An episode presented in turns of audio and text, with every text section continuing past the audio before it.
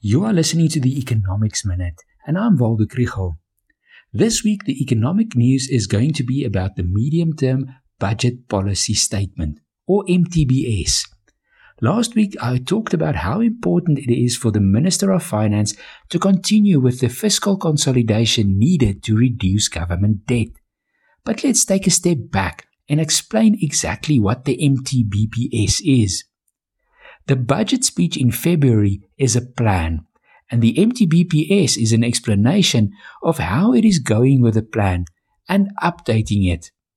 It usually starts with an overview of the economic outlook and gives estimates of government spending and tax revenue in the year thus far.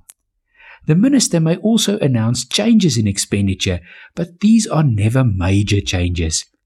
Expenditure that's already been budgeted for can be reprioritized to where there is a need. The minister cannot make any new tax proposals. The MTBPS is also an important opportunity to talk about economic policy. This often gives a preview of the important proposals and changes that will be made in next year's budget. It's an important policy event but it can only cause that much excitement.